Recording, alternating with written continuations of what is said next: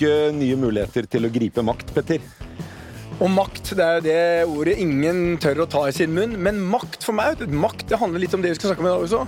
Litt om makt, krig, krigføring, maktkamper. Det er sånn marketing, warfare. Det er alt jeg elsker. Ja, det Er det ikke rart hvordan veldig mange mennesker kvier seg for å si at de søker makt? Kvier du deg for det? Nei, jeg gjør egentlig ikke det. Jeg syns det er bra. Makt betyr frihet, det betyr muligheter, det betyr anledning til å utrette ting man har lyst til å utrette. Det er bare bra. Og to av gjestene våre i dag det handler jo om litt sånn eh, markedskrigføring og maktposisjoner og posisjonering og sånne ting. Du har ikke problemer med makt, du heller, har du det? Problem med makt? Ja. Du, ha, du, foretrekker mer enn mindre makt? det, er, det er i hvert fall sånn at uh, jeg tror at uh, hvis man skal liksom sette de rette ordene på det, så jobber, jobber, man jo for å få en posisjon, altså om det er hotellselskaper eller noe, og, du, og, det, og det er, du er jo i en uh, viss sånn situasjon hvor det er en konflikt og en kamp om makt og posisjoner mellom meg og mine konkurrenter. Mm. Hvem tar Stockholm? Hvem tar det? Og så kan vi snakke om alt det der at nei, vi gjør for at gjestene våre Vi har flere hotell i Stockholm, eh, det er viktig for å skape fine møteplasser. Alt det er sant, men mellom konkurrenter eller mellom to personer eller selskaper så handler det om makt. Det gjør jo det. Og det er sånn, det er, det er jo binært. Enten vinner eller taper du. Ikke sant? Du, du kan liksom ikke ha to stykker som vinner. Eller du har jo ulike former for makt, da, for har jo den type makt som er eh, makt i nettverk. Den, der, jo, der øker jo kaka i størrelse jo flere du involverer i nettverket ditt. Ja. Men når du snakker om markedsandeler i et marked som er ganske Det er 100% du kan oppnå, så er det jo klart at det er binært. Ja, det, og det er jo forskjellige typer makt. Altså, er du i en forhandlingssituasjon, så kan det være to vinnere. Er du i en kamp om en posisjon Nå har det vært valg, EU-valg, og, og, og, der handler det om hvem får mest makt. Og de som får makten, kan bestemme og de andre mm, Så det er et eh, fantastisk spennende tema, Veldig. og utrolig bra gjester. Ja, man skulle jo nesten tro at det var en tanke bak dette. Ja. Eh, vi må ønske gjestene våre velkommen, da. Skal du gjøre det i dag, Petter? Ja, da, vi tar én hver. Du er, jo, okay, du er jo kongen av introduksjoner, så da lar jeg deg velge hvem du vil introdusere. Ok, Da tar jeg den som har vært mest on fire siste timene. Eh, vi booket, eh, vi booket kandidaten før hun selv visste at hun kom til å vinne. Unnskyld, Berit Kjøll, eh, men eh, jeg må si en ting. Når du vant! Hvilken drøm ville det ikke vært for oss og alle som ledere? Når du, når du ansetter en ny leder, så hopper de opp av stolen og skriker og hopper rundt i salen. Det er altså, det er altså en overflod av glede, entusiasme. Det er alt det som har bygd seg opp. Og så sa hun så vakkert på morgensendingen som jeg lyttet til i dag da jeg var ute og løp det var en som fortalte meg, dette er sitat Berit Kjøll på morgenen, at den som er seinest oppe, den vinner. Og Berit la seg aldri, og alt det kom ut i et eneste Jeg si at det der, det er, det er, det er, Jeg har aldri sett så mye glede over å få makt. Her er Berit Kjøll. Et av de første intervjuene er selvfølgelig hos oss i Stormkast. Velkommen, Berit. Tusen hjertelig takk. Og så er det Flott introduksjon. Ja, det er jo altså, Når Petter introduserer, så, så mener han alvor. Ja. Jeg, kan ta, jeg kan ta en andre kandidat Kan ikke du også? gjøre det? Jeg føler at det blir litt som å hoppe etter Wirkola og prøve å introdusere nestemann. Ja. Denne mannen har vært hos oss før, eh, og vi har litt av samme bakgrunn. Eh, same, same but different. Jeg kom fra en dagligvarebutikk. Han revolusjonerer dagligvarebransjen. Han mener at dagligvarer eh, skal selges eh, på nett, fraktes hjem til deg. En vakker idé. Og mannen har definitivt lykkes hvis vi snakker om penger. Pengene strømmer inn hos kolonial.no, og eh, Carl Munthe Kaas, kun 36 år, er hos oss her i dag. En stjerne på dagligvarehimmelen. Så får vi se om stjernen lyser like klart om ti år. Men det han skal ha han har fått med seg en av Nordens mest fremgangsrike eh, investorer på tech og nett og alt sånt nå. Kinnvik-gruppen i Sverige. Og de puttet hundrevis av millioner på bordet i troa på denne mannen. Velkommen, Carl Munthe Kaas. Tusen takk. Hei, Carl. Hei, hei. Da kjører vi på.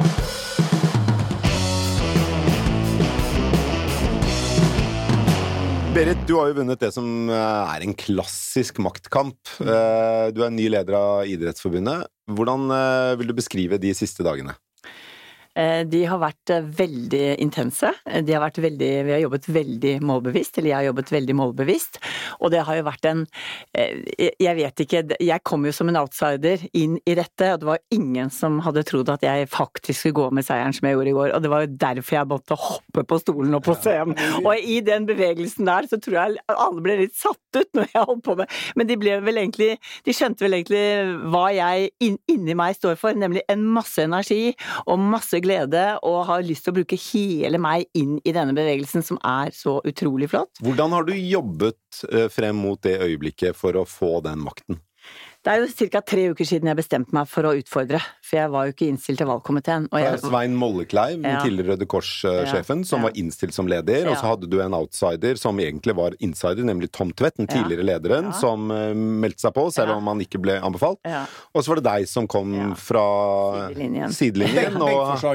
Ja, men ikke sant, jeg ble jo nominert, så jeg var jo med i valgkomiteens uh, utredninger, og jeg visste at det sto mellom Mollekleiv og meg. Det visste jeg, og det var egentlig også kanskje Det var det var ulike krefter der som mente at det burde være meg som ble innstilt, men så ble det Mollekleiv, og ja. da tenkte jeg at da lukker jeg den døra.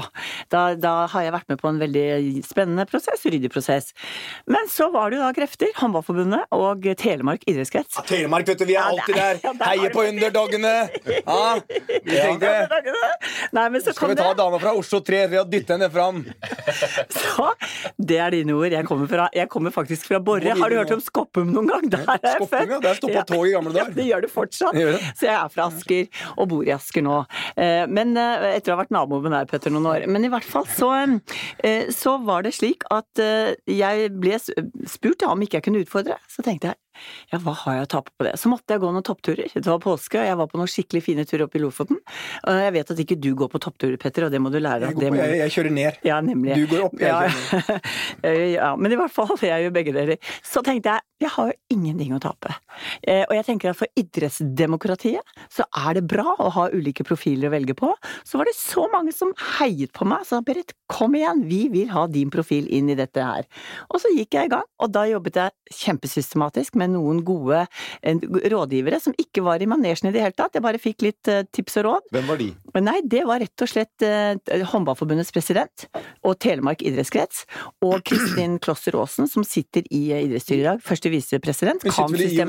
ja, sitter i IOC, ja. Så jeg hadde gode rådgivere, og så som sa vet du hva, du må legge Og så ville, ville jeg kjøre denne kampen selv. Så jeg satte meg ned og ringte 54 særforbundspresidenter, og jeg ringte ringte alle idrettskretsene, og så sa jeg vil dere ha besøk av meg? Så kom jeg, og ikke så mange som det var veldig kort tid til valget, ja. men jeg var i Bergen, jeg var i Østfold, og jeg var rundt forbi og møtte flere og snakket med utrolig mye bra ildsjeler. Ja, det her bør alle høre på. Det her handler om å banke dører og ja, gå rundt. Dette er en god, klassisk gammel selger som går rundt. En støvsugerselger fra Asker som har bodd på Bygdø, som setter seg i Fiat Uno og kjører rundt til alle særforbundene over hele land og strand og mobiliserer. Det som er kult med dette, da, som jeg liker, er jo at du, du, du um, gikk inn for oppgaven. Ja, og, ja, og, og, ofte er det jo sånn at man, eh, eller mange i hvert fall, ja. de venter på muligheter som kommer, ja. uh, mens du du tar den. Ja. Du gikk for den, gikk, og du bestemte og det, ja. seg bare for at den skal jeg ha. Ja, den skal jeg ha, og jeg skal gi alt. Og hvis jeg taper, så skal jeg vite at jeg har gitt alt. Mm. Det var greia. Og så når jeg da kom, så tenkte jeg mitt viktigste verktøy her eh, er jo Eller mitt, altså det viktigste er jo å møte mennesker. Det vet alle vi som står i dette studioet her, at det handler om mennesker, og mm. møte mennesker. Så da gleder jeg meg. Nå har jeg snakket med de fleste. Eh, de som tok telefonen. Hvor mange var det du endte opp med å besøke? Nei, eh, det var ikke så mange jeg endte opp med å besøke, for det var veldig kort tid, men jeg var i Bergen, jeg var i Østfold. Ja. Og så var jeg også Tidligere var jeg besøkt Oslo idrettskrets, som ikke stemte på meg. De var veldig tydelige på at de ønsket en annen kandidat. Eh, men i hvert fall så hadde jeg Og så snakket jeg med veldig mange. Så møtte jeg alle også på et møte oppe på Ullevål, så jeg fikk sagt hva jeg sto for. Og, eh, men det viktigste var å møte dem på Lillehammer, på idrettstinget. Og det gjorde jeg i helgen. Og da var jeg målbevisst. Ja. Da var jeg skikkelig målbevisst, og da visste jeg jo hvem som var for meg. Mhm. Jeg visste hvem som hadde bestemt seg for motkandidaten. Og så tenkte jeg hvor er alle de løse stemmene? Og de jakta jeg noe utrolig. Hadde du liste som du ikke tok? Ja, ja, ja, ja, vi hadde bøter, og vi hadde lister, og hvem er inne nå, og om bord, og det var liksom hvem er, hvem, er vi, hvem er vi da? Nei, det er Håndballforbundet. Ja. president, ja. og Kristin Klosser Aasen. Ja, så du hadde de som var de dine rådgivere ja, de, i de ukene der. som har gått? De... Ja, også de, de, oss tre, vi var kjerneteamet. Mm. og så, på Lillehammer, så fikk vi jo et mye større team, for da var jo alle som ville heie meg frem, de jobbet også systematisk. Så dette her ble jo ringer i vannet. Og så var det gøy. Så var VG og NRK, alle var der hele tiden. Sa åssen går det, Kjøl? Og så skrev de hele tiden at jeg lå bak. Så sa du, nå må dere begynne å skrive at jeg ligger faktisk tett ta, ta innpå. Ja. ja, hvordan kan du liksom si det? Jo, nå skal jeg gi dere et bilde. Og det er jeg er seiler. Så sa jeg når du er i en seilbåt og du kjenner at det er medvind, det er medvind, og du tenker fader nei, nå setter vi spinnakeren. Så holder den her, ja. Vi setter den. Så setter vi spinnakeren, og så kjenner du at det, du kommer luft i den. Mm. Sånn følte jeg dette. Mer og mer luft, og til slutt så bare sto den spinnakeren, og så bare sto, kom det mer og mer vind. Nå får jeg, jeg gåsehud der. Jeg ser spinnakeren til Kjøll står der, og der, den fosser fram. Og Molleklev, han, han, har tatt to rev i seilene og er på vei inn for tror han har vunnet ferderen, men så Nei, går men, tiden, men så ble jo disse, disse, her utrolig hyggelige kara fra journalistverden, for de er jo kjempetrivelige alle sammen. De er jo egentlig ute etter å ta oss hele tiden, men jeg opplevde at her var de De begynte å heie på deg? Ja, de begynte å heie på meg. Og det, de begynte å heie på meg, de skjønte at dette var alvor. De skjønte at det skjedde ting i mm. korridorene, og snakket begynte å ta, ta ordentlig fart. Og så var det, når vi gikk inn da på festmiddagen på lørdag kveld, hvor det var alkoholfri champagne i glassene, jeg bare nevner det, eh, for det er idrettsbevegelsen som er nøktern, og det skal dere bare også ha hørt, eh, så, eh, så Nei, det er ikke choice, kanskje. Færre, få steder det skjer egentlig, tror jeg. Men i hvert fall da var, veldig, var vi jo veldig målbevisste på hvem er det jeg må snakke med. Og da begynte jo alle de som skulle ha meg, til å si du, du må hilse på denne, og du må hilse på denne. Og jeg drakk jo ikke en dråpe alkohol den kvelden, eller bortsett fra ett glass vin, da. Men det var jo egentlig bare helt uh, der. Så tenkte jeg nå skal jeg bare drikke Farris. Og jeg var og hilste på og snakka, og den siste stemmen tror jeg fikk sånn, ja, kanskje tett på tre. Oh, og den stemmen var helt avgjørende? Helt avgjørende. Ja, for du, du vant med én stemme. Ja. Og da hadde det blitt loddtrekning? Ja. Men det var veldig uoversiktlig, for du visste jo ikke En ting er når folk satt og eh, Eller var at du snakket med de barn om kvelden. Eh, og du visste jo ikke helt hvordan dette her landet neste dag, så dette her var jo helt Men jeg jakt, og så var jeg så målbevisst, og så sa jeg du, hallo, hvem er du stemmer på? Har du bestemt deg? Um, ja, er det meg? Nei. Fint, jeg snakker ikke mer med deg. Og så gikk jeg videre. Sa du det, altså? Ja, ja, ja, da trenger jeg ikke snakke med deg. Da går jeg videre. Her er jeg på jakt etter bare løse stemmer. Så det var Jeg hadde, tviler, jeg hadde så gøy. Så du var ikke kjent på den litt sånn vonde følelsen av å snakke om uh, makt, du, de nei, siste nei, dagene? Altså, nei, vet du hva. Jeg tenker at makt, makt, handler om å komme i posisjon til å lede noe som er virkelig har et svært potensial. Og det er det jeg alltid har drevet med. Jeg elsker det. Men jeg syns jo det som er mest fascinerende fascinerende her. Det er litt sånn Du begynner jo egentlig som en ekte underdog. Ja, ja, veldig. Så, men det jeg liker med det, det er du skaper litt din egen suksess. Ja, ja. Og det er litt det sånn eh, som Carl også har gjort. Du skaper litt Du begynner uten noen ting. Du begynner basically med to tomme hender. Og så begynner du Når du eh, begynte ja. å bære ut de første kassene eh, sjøl Selv, Selvfølgelig gjorde jeg det. Du gjorde det? Ja, ja, ja, klart det. Så du var litt av det på kvelden som bar ut de første kassene og fikk de første kundene og Absolutt. Men jeg tror altså næringslivet Veldig mye handler om koordinering, ikke sant. Og jeg syns det er interessant det du sier når pressen spurte deg hvordan det gikk, og du, du sa at nå, jo, nå, du må ikke bare si at det er underdog, ikke sant. Nå begynner det jo faktisk å, å nærme seg. Og det, det er jo for så vidt interessant, fordi Men det kan gå begge veier, da. ikke sant. På, på en side så tror jeg folk liker underdogs. Men på den annen side så er det noe med at suksess avler suksess. Og, og, så er det det siste poenget. altså sånn For oss, da. Så det starter jo med å overtale de første ti, ikke sant. Og så bygger du på det. Og, så, og, så, begynner du å levere ut noen, eh, noen, varer, og du kjører rundt i en gammel Mercedes og eh, liksom prøver å ordne og sørge for at alle, alle er happy og alle kundene får det de skal osv. Og så, så får du litt traction, og så kan du bygge på det. Og så bygger du på det, og så til slutt så får du på en måte tyngdekraft. da. Og da, på et eller annet tidspunkt, så kan du på en måte vinne dette koordineringsspillet. ikke sant? Da kan du få Kinnevik til å si at eh, det er her det, er her det skjer. Det er, det er, disse som kommer til å fikse dagligvarer på nett. Men, det, men, men før, før, du kommer dit, så må du jo bygge opp den troverdigheten. Fake it till you make it, er det noe som heter. Eller skap din egen hype, liksom. Ja, ja.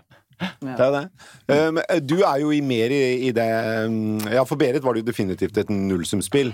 Uh, opplever du at det er det også i dagligvarebransjen, i kampen om markedsandeler? Er det, eller er det også et marked som kan utvides ved netthandel, sånn som vi ser i en del andre bransjer? Jeg tror noe sånn For bransjens del så er det nok eh, et nullsumspill, ja. Mm. Um, det er litt begrenset hvor, hvor, mye mer mat vi kan og bør spise, egentlig. Mm. Så, så, så, det du tar, må du ta fra andre. Så man, enkelt er det. Man, man, må det. Men så, men så er det jo altså, innenfor det markedet markedet, så kan du ha konstellasjoner. Altså, vi, jo, vi er jo en konkurrent av Rema, men vi har jo et samarbeid der. Og det har jo vært en vinn-vinn mellom oss.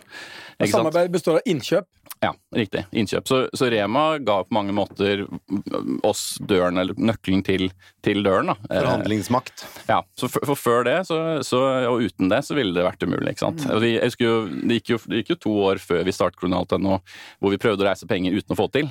Og det mange kanskje ikke tenker på, at det, altså, dette, dette, denne konstellasjonen da, som, hadde vært, som, og som er i dagligvare og har vært det veldig lenge, den var så sterk at investorene sa jo nei bare fordi de sa at ja, men du kommer aldri til å få det du refererte Nå, det, er de, det er de tre store. Det er Coop, Norgesgruppen eh, og Rema.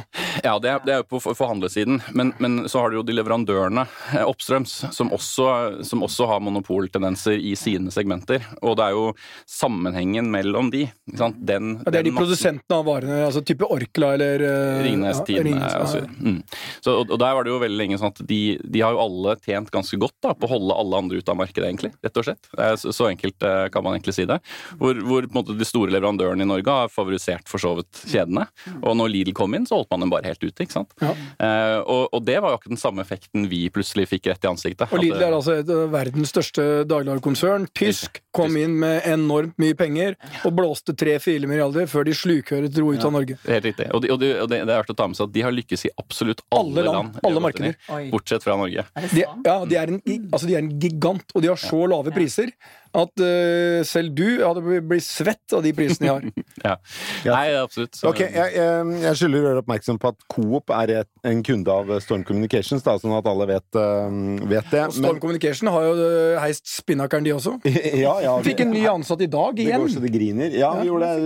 Siste ansatte kom fra Aftenposten. Frank Lynum, en aldeles utmerket journalist. Tror du han har begynt å tvile på papiravisens fremtid? Nei, det vet jeg ikke. Det kan vi jo spørre ham om etterpå. Han sitter jo rett utenfor her her, men uh, det er i hvert fall veldig hyggelig å ha han på plass. Men, uh, men jeg, jeg, er bare litt nysgjerrig på én ting. Når du, når du, helt på slutten, Berit, ja. når du visste at det var helt close mm. Liksom, nå er vi snakket vi idretten. Hva kjente du helt på slutten? Nerven i det? Det er jo hemmelig avstemning, det er elektronisk. Ja. Resultatene kommer. Dong! Ja. Hva kjente du? Siste minuttet, når de, når de begynner å stemme. Først jeg må begynne å fortelle om den morgenen, da, for jeg la meg veldig sent. Ja. Det er veldig sent. Lytterne våre, altså her er, vi har jo Nei, det var sånn jeg sendte melding til Jesper, mannen og sa god natt klokken kvart over tre. Da tenkte jeg jo, men, nei, men, ja, men da hadde jeg champagne Nei, men da, da, For meg, det hadde vært så intenst opp til dette tinget, og hele under tinget, så det var så utrolig Men, men, men det var det. Så Fikk du sove? Ja, jeg sov jo alltid godt, vet du. Så klokka på seks, og så satt jeg i gang og skrive valgtalen min. For den hadde jeg ikke gjort, og den måtte jeg ha klar. Uh, og så da gjorde jeg det, så det betød at jeg kom litt sent ned på tinget. Og da kommer journalistene bort til meg. Du, hallo. Uh, Jaså, sent opp om natta, men sent om morgenen? Hallo, dette er jo ikke bra. Du, hallo, nå har jeg laget verdens beste valgtale, bare vent, sa jeg til de. og så sto det da også i mediene at jeg hadde tatt innpå at det nå var jevnt. Ja.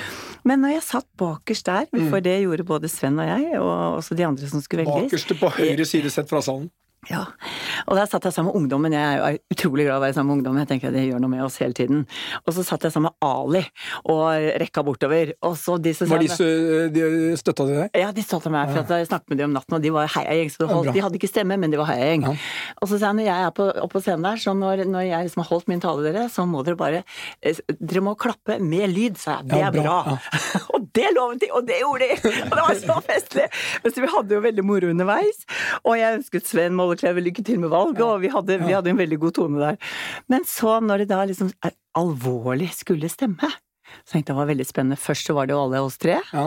Og så så jeg da at ok, Tom gikk ikke videre. Ja, han, røyk ut, han burde jo aldri stilt. Nei, men jeg, jeg, tenker at det var godt for Tom å gjøre det. For at han ønsket å gjøre det.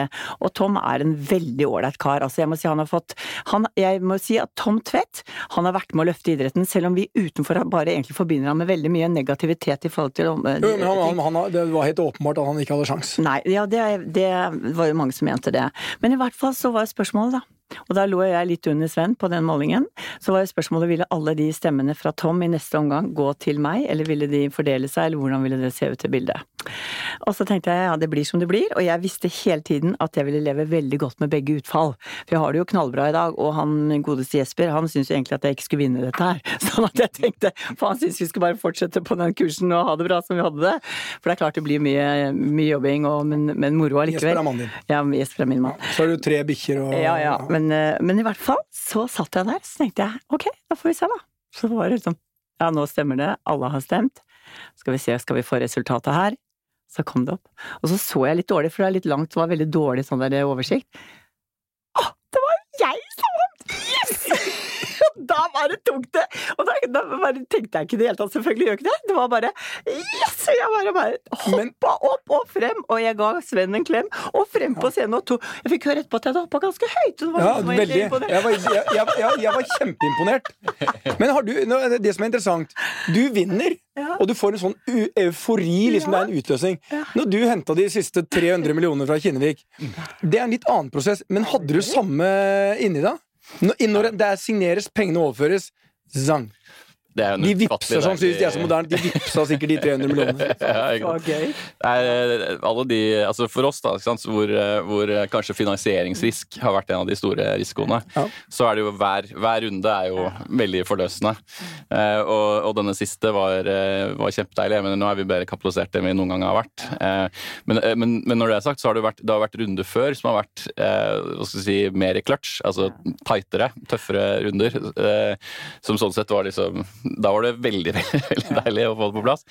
Eh, men nei, det er utrolig kult. Og det, og det vil jeg si som er spesielt da, med det siste, siste året, og, og Kinnevik som investor at Du kjenner jo på en måte litt til historien og Jan Stenbekk og altså Kinnevik eh, lager jo virkelig store selskaper. Jeg skal på innovasjonstalen til Innovasjon Norge i morgen, så jeg har liksom en del av de Kristina Kinnevik hun eh, støtter jo Zalando tidlig og ja. Ikke sant. De, så de, de, har, de, har, på en måte vært en, en svært, svært proaktiv investor. Ikke sant? De gjør sin analyse, og så sier at dette her kommer til å bli svært, og så gjør man noe sammen sammen. Mm -hmm. Og det må jeg si liksom har vært utrolig deilig med Kinnevik. Er ikke de investert i et tilsvarende selskap som deg i Sverige, eller husker jeg feil? Jo, det stemmer. Så de, de investerte i oss eh, i august, og så nå i februar så gjorde de en 900 millioners investering så i Mathem. Så vi lukter vel en eh, norsk-svensk forbrødring og fusjon også med en eh, maktglad Kinnevik-struktur bak. Har du har tanken slått deg? Om tanken har slått deg? Jeg tror ingen som ser det, ikke kan tenke at den tanken har slått dem. Mm. Men, eh, men, når det er sagt Første gang det har blitt offentlig sagt, er stormkast. Nei, ja, men Eh, du vet, at, sven du vet at svensker de liker å bruke makt når de har det? ja, altså, men så langt, som jeg sier, altså, i forhold til oss så har de vært utrolig streite. Så... Nei, de er fantastiske, men de er jo opptatt av Carl, bortsett fra, bortsett fra uh, det Per ble litt lei av det greiene. men bortsett fra, bortsett fra å, å um, jobbe hardt for å gjøre Kolonial til et stadig bedre selskap som leverer on time til stadig flere og bla, bla, bla, øke salg per leveranse osv. Kvalitet på 1 av 500. Hvordan sikrer du Taper 100 millioner. Hvordan uh, sikrer du din makt? Din personlige makt. Carl Munthe Kaas makt. Hva, hva består den av, og, og hvordan forvalter du den? Uh, først må jeg bare altså, jeg, jeg, tenkte på det når vi kom inn her. Altså, med hånden på hjertet så har det vært veldig lite maktkamper i, i kolonial. Så, så jeg, helt Men, ærlig så ikke, tenker ikke jeg ikke kolonial nå, nå er jeg opptatt av Carl Munthe Kaas. Eh, opp igjennom? Ja. Um, jeg tror um, jeg, jeg, jeg, kan ikke si at jeg føler jeg er noe sånn spesielt Machiavelli en person. Nei, men sånn det bør man ikke være. Men, men, men, uh, men, så er det jo sånn at hvis jeg føler at jeg har rett i noe, så vil jeg jobbe knallhardt for å få Makiaveli er ikke våre, det, er sånn, det var han som skrev 'Fyrsten i 1516' eller noe. Ja, eh, renessansemenneske ja, som Så ja. du, du, må ikke det, altså, det er mange sånne som meg som også lytter. Aner ikke ok, da hadde vi men, ja, okay, så... men, nei, altså um, Men jeg tror jeg jeg er vel en sånn veldig eh, logisk anlagt person, så jeg, eh, så jeg, jeg snakker mye sak. Eh, eh, og er veldig opptatt av å få folk til å være enig i, i, det jeg mener er riktig. Ja. Det er en annen måte å si det på. Gudbenådet selger som kan selge sand til beduiner. altså, ja, det må jeg si. Ja, for vi har vært ute et par ganger, Carl, og det var en gang vi hadde spist en middag, og så ble du og jeg sittende igjen med en øl etterpå. Og, ja, nei, ikke på Herregårdskroa, men da vi var på en restaurant på Frogner. Poenget, Poenget mitt var at jeg ville bare ta en siste fredelig øl og prate litt løst og fast, men du bare dundra på et eller annet. Altså, jeg var så sliten, og jeg var så, jeg var så lei av Jeg var så lei av å høre på deg. Men du, han, tok, han gikk den derre plukkelogistikken til kolonial.no, hvor genial den var. Ja. Nei, det, var, det, var, det var faktisk den prisdiskrimineringssaken vi snakket om. Det var prisdiskriminering, ja. Det var, du, den, du ga det aldri. Men er det, er det en av Er det et sjekketriks, er det det du lurer på? Ja. Definitivt ikke. Nei, men Er det en av dine måter måter å overbevise folk på at du bare sliter dem ut? Det, det er nok helt sikkert riktig. Ja. Ja, jeg gir meg i hvert fall ikke. Men det er ikke, det er ikke sånn er... du får 300 eller 600 millioner, tror jeg Kinnevik ikke godt inn med det samme nå. Nei, er... Men hvor mye, hvor mye, aksjer eier du nå? Eh, det er rett i underkant av 10 fortsatt. Ja. Og hvor mye aksjer eier Kinnevik? Eh, ja, rundt 25, sikkert. Mm. Og hvordan er det resten av aksjer? Sånn, er, det andre, er det noe som er større enn de? Eh, nei, så Rasmus-gruppen er litt mindre nå, men de har et konvertibelt lån. Og hvis de eh, konverterer alt sammen? Ja, da er de vel på en underkant av 30, de også. Okay. Men det var det samme, altså den Kinnevik-runden også nå på de 150 som de puttet inn i emisjonen, er også en tvunget konvertibel på neste runde.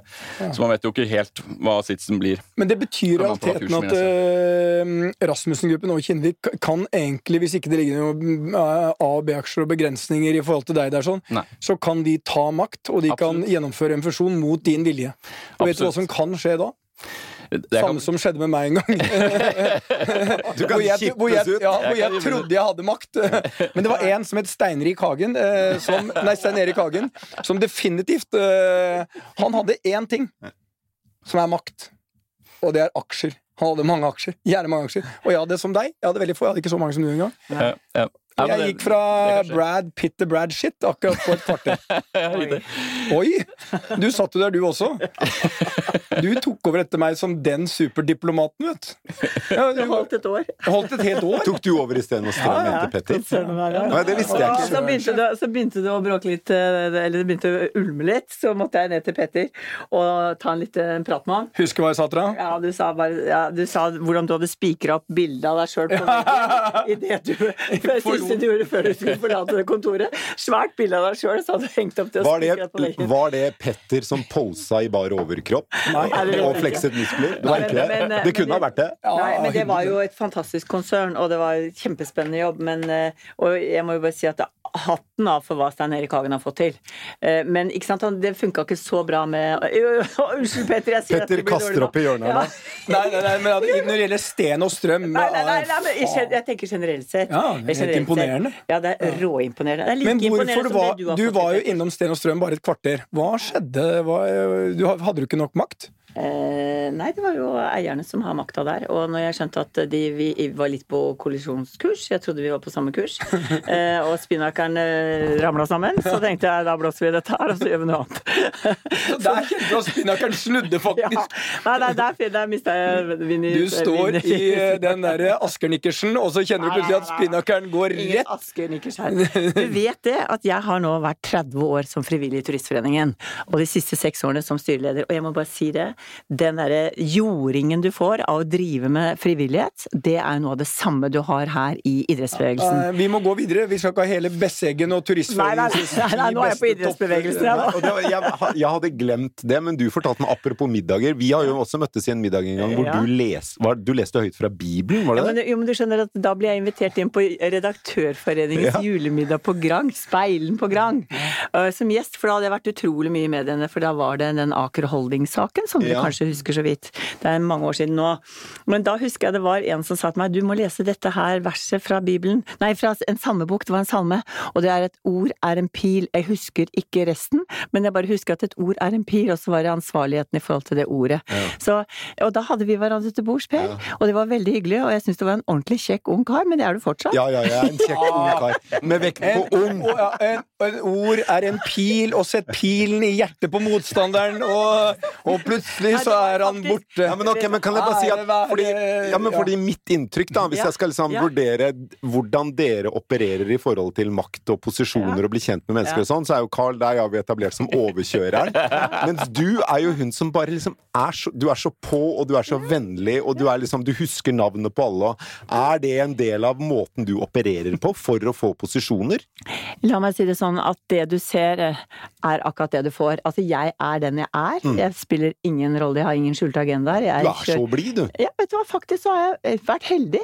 Jeg har vært heldig både med oppvekst, foreldre og hele pakka. Jeg står opp om morgenen, er positiv, og så hvis det er noe dritt, ja, så må jeg bare behandle det og bli ferdig med det, og så går jeg videre. Så ser jeg muligheter. Mm. Og det å se muligheter, det er jo det det handler om. Eh, og, og så handler det om å leve et godt liv, og ikke bruke energien feil og prøve å sove godt om natta og alle disse tingene. Men Det handler jo også om Jeg lever jo med Gunhild, som er litt ja. sånn uh, som uh, flere av oss rundt bordet her. Ja. Enormt drive. Ja. Har et enormt kontaktnett. Og har bare satt et mål som nesten er helt ufattelig. Men det er litt av det som driver oss. Det der, og uh, når vi snakker om makt, det skulle blitt mer lov i Norge til å snakke om makt og si at det, politikere som ikke på mange måter aksepterer at de er der for for at de søker makt. Ja. Og da skal vi bruke den til å gjøre en annen ja. forandring. Ja, Når du kommer nå som ny president, så har du, du har blitt gitt tillit og makt til å være med å forandre og utvikle i en retning som du har satt. Når Carl skal være med å forandre dagligvarebransjen, så, så, søker han å bli stor, for det er makt, og det er den makten han kan bruke til å forandre da distribusjonen, basically. Disrupte dagligvarebransjen. Mm. Men alt koker ned til du må tørre å søke den makten for å få til de ting du er. Så det, for meg er det, ikke, det er ikke noe negativt uh, Nei, å søke makt. Og, og det, er jo litt av derfor vi snakker om det i dag òg. Det er for å ta ned noe av det der litt sånn vonde og vanskelig med å snakke om makt. Fordi det har så mye positivt i seg. òg. det, det, negative er jo hvis man blir det som kalles maktsyk. At man nyter det, og at man liksom det, ja, det at, man, men, men, at, man, oppfører seg overkjørende og ufint overfor andre mennesker som har mindre makt. Men jeg tenkte det var et av oppslagene nå i helgen som sto liksom og bretta over to sider i en av avisene. Eh, maktkampen eh, Eh, maktkampen pågår, og her er vi tre som liksom fighter om denne rollen som idrettspresident. Så tenkte jeg ok, er vi en maktkamp? Ja, vi er jo det, da. Ja. Men ikke sant, ordet makt har vi på en måte ikke noe forhold til. Vi, vi, det er litt negativt ladet ord. Mm. Men jeg tenker når jeg nå har Altså ledelse er jo det jeg har drevet med hele livet, og gjennom å drive ledelse, og det driver jo du også med, så handler alle her, så handler jo det om å sette en kurs, mm. få med folk i en retning, mm. og utløse masse energi, sånn at du får en bevegelse da, på en måte til å blomstre blomstre enda mer, basert på alt det bra i den bevegelsen. Og jeg tenker idretten er jo bare helt knallflott bevegelse, og den gleder jeg meg nå til liksom å bruke all denne energien sammen med alle flinke folk til å få i gående en retning. Men Karl, du, du er tidligere sånn McKinsey-slave. Uh, er de, og du er jo definitivt den yngste av oss, du er liksom 35, eh, og så har du 45, og så har du 56, og så har du Berit som er omtrent på min alder. Ehm, eh, så Du, Vi skal ikke være redd for å si vi er 63 cirka. Nei, ikke i det hele tatt! Nei, vet du hva, det syns jeg bare er flott. Ja. Og tenk å være 63 og få lov å holde på med alt det gøyale jeg driver med, tenker jeg. Men spørsmålet er, føler du at det er mindre eh, sånn at unge millenniumsgenerasjonen som du er en del av, at de er mindre villige til å søke makt og ta makt enn si generasjonen som Per eller Berit eller jeg representerer? Nei, det tror jeg egentlig ikke. Um, altså, vil, altså, man må spørre seg hva som definerer den generasjonen. da. Det, det, det er jo en det, altså I mitt inntrykk i hvert fall, at en kjempevilje til å, til å gjøre endringer. Mm. Og, og, det, og, og, med det så følger også behovet for, for makt. Ikke sant? Så, så og, og, så er det jo også liksom, kanskje litt mer på den negative siden. Da, så snakker man jo mye om entitlement. ikke sant? Mm, altså at, man, at det er en generasjon som vokser opp med en slags tilsynelatende At man tenker at det er en gudbenådet rett da, å, å, få det som de vil og utrette det de ønsker å utrette osv. De kommer jo jævlig fort ned på jorda, de som har den følelsen av entitlement og går inn i arbeidslivet. Det, det kan jo skje. Men, men, men samtidig så syns jeg det er viktig å ikke miste den. ikke sant? For det er jo det som skaper driv òg, da. Ikke sant? Det er det som får deg til å si at eh, nei, jeg tror jeg kan få til dette. Jeg tror, altså Uten entitlement så, så ville ingen av oss her eh, Jeg tror alle vi fire har nok hatt en Men det er jo litt uttrykk som hvis du møter noen uh, barn av rike foreldre, og, de, og, du sier at de er litt sånn entitled. Det er, det er ikke positivt. Nei, Nei det... jeg vil jo tro samtidig at det er vel mye av grunnen til at vi ser at, at uh, klasseskiller, selv i et så klasseløst samfunn som Norge, har en tendens til å vedvare for nettopp fordi barn av nettopp. suksessrike eller velstående foreldre går inn i sitt, sine liv mm. med en følelse av entitlement. De fortjener ja, det, så de tar mye for gitt. Ja. Men, men, men, det som er utrolig viktig å si, er at altså, man kan godt si at man kan ta makt, men til syvende og sist så får man jo makt. Altså, du, du, er jo, For å ha makt så må du ha tillit. Jeg, jeg tenkte på uh, dette spørsmålet om ja, nå som Rasmussen og Kinnevik i praksis uh, på en måte kontrollerer kolonialt.no. Mm. Jeg tenker overhodet ikke annerledes fra hvordan jeg tenkte for, for, noen år siden. Og det er ikke fordi at de ikke da hadde makt, det er fordi at jeg alltid har antatt mm. at den makten jeg sitter med, er, er pga. tillit. Mm. Eh, ikke sant? Og hadde man ikke fått den tilliten fra de første ti, mm. og bygget videre på den, så, så, så ville man ikke hatt noe makt. Så, og, og den, det tenker jeg fortsatt. Og jeg tror hvis jeg følte at jeg ikke gjorde den jobben bra nok, så som stor eier så vil jeg jo faktisk være opptatt av at det da kommer inn noen Men, som kan gjøre den jobben bedre. Tillit vet du, er jo sånn som kan eh, forsvinne over natten. Mm. Definitivt. Og det er sånn, eh, og det man ikke skjønner, du kan jo ikke ha 80% tillit. Enten har du tillit, eller så har du ikke. Mm. Du har tillit til du ikke lenger har det. Helt riktig. Og det kan skje Sånn. sånn. Mm. Apropos det, vi snakket jo for noen uker siden om denne XXL-sjefen i Sverige som slang med leppa mot Greta Thunberg, sa han var hacket. Ja. Du fikk med deg nå at han måtte gå på ja, dagen? Ja, ja. Mm. Og han gjorde det for at det skulle bli ro i XXL. Vi, men vi skal vel eh, Vi har jo hatt en del spådommer her sånn. Eh, vi var jo ganske spot on når vi sa at uh, Han heter Per et eller annet, og vi sa Per, du lyver. Du må gå. Og det måtte han. Det måtte han. Stormkast har makt. Det er bra, det. Du, vi... Ja, det var dere som uh, gjorde at jeg måtte gå. Her er det mange som har fått nye jobber, og noen har må... det er et tøft en, liv å komme inn. En XXL-sjef i størrelse XXS var det vi, var det vi... Så vi var litt stygge der. Men, uh, men det, det, er ok, vi må, vi må, begynne å runde av, men, men, du er jo inne på noe jeg syns er interessant, Carl. Det der med at uh, du må levere resultater, og det er jo med resultatansvar. Det er altså det ansvaret Eh, forplikter jo. Adel forplikter, som er et gammelt eh, ordtak også. Altså, du, hvis du ikke leverer resultater, så spiller det ingen rolle om du har makt, fordi du mister den. Mm.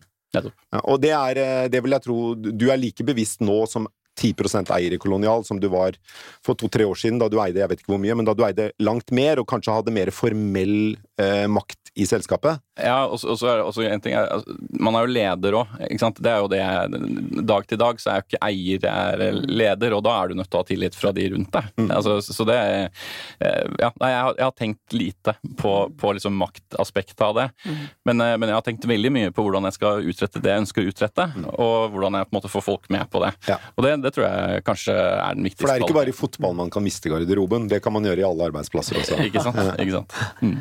Ok, skal vi gå videre til ukas bær, Petter? Vi tar ukas bær.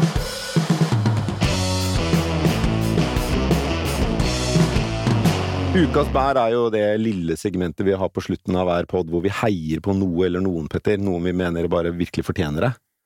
Og vi har en verdig kandidat uh, denne uken også. I aller høyeste grad. Ja. I 45 år har Harry Alf Andersen undervist uh, som lærer, og han har ikke hatt én sykedag. Han hadde tidligere blitt operert for brokk. Det gjorde han på fritiden. Det var, det, var ingen, det var, ingen, grunn til at det skulle gå utover elevene. Det var, uh, det var noe han kunne ordne uh, uten at noen skulle tape på det. Så han ordna opp. Det er med barna jeg hører hjemme, sier, Alf, sier Harry Alf. Så lenge jeg ikke sendes på kurs, så har jeg hatt privilegiet av å stå opp frisk hver dag og undervise barna, sier Andersen til NRK. Vi syns bare det var en utrolig fin fyr. Så skal det jo sies at det er jo lov å være syk, og det er lov å være hjemme hvis man er syk, men, men den innstillingen uh, Harry Alf har men, til uh, den dedikasjonen han har til yrket sitt. Men det er også en ting, nå står det ikke noe om uh, det miljøet han er i, men jeg tror at det er åpenbart en ganske bra kultur på den skolen, mm. for elevene har det bra, lærerne har det bra, sykefraværet er langt, og det tror jeg er sånn hvis du er på en arbeidsplass ja. hvor kulturen er bra, så blir du frisk. Ja. Og er du på et arbeidsplass med dårlig miljø, så skyldes det også dårlige lærere eller dårlige ledere, og da blir du litt sjuk. Og du, du blir dårlig av det. Og Harry han sier også en ting til som er helt fantastisk. Eh, der, han gleder seg til å gå på jobb hver dag. Ja. Klart, det har Hvilket privilegie! Si. Det har veldig mye å si. Mm. Så Kristoffer uh, Moi på elleve år, eh, en av elevene til Harry Alf, han ble spurt er læreren sprekere enn dere. Ja, jeg vil si det, svarer Kristoffer. så måtte du leve et godt og langt og sunt liv, Harry. Vi heier på deg og sender en jordbærlue i posten til deg som et eh, Sånn at du ikke blir forkjøla og plutselig får en sykedag før du er 70. Ja. Stå på, og så eh, må vi si til slutt tusen takk eh, til dere, fantastiske gjester. Skal du avslutte Det er introduksjon, og så er det ut... Outro. Heter outro heter det. Ja, Skal du ta outro, outro nå? Ja. Kjør på. Det er mange ting som skjer i Stormkast. Mest av alt så har vi de viktigste personene som har gjort noe eller gjør noe. Det er mange endringer som skjer. Vi ringte Berit Kjøll før hun ble valgt. Vi fant uh, kolonialhandelens uh, uh, nye store vinner, og vi inviterte hit. Timingen var perfekt, og mye handler om det. Du kan ha verdens beste idé. Er timingen feil, så går det til helvete. Men Berit, du skal hylles for én ting.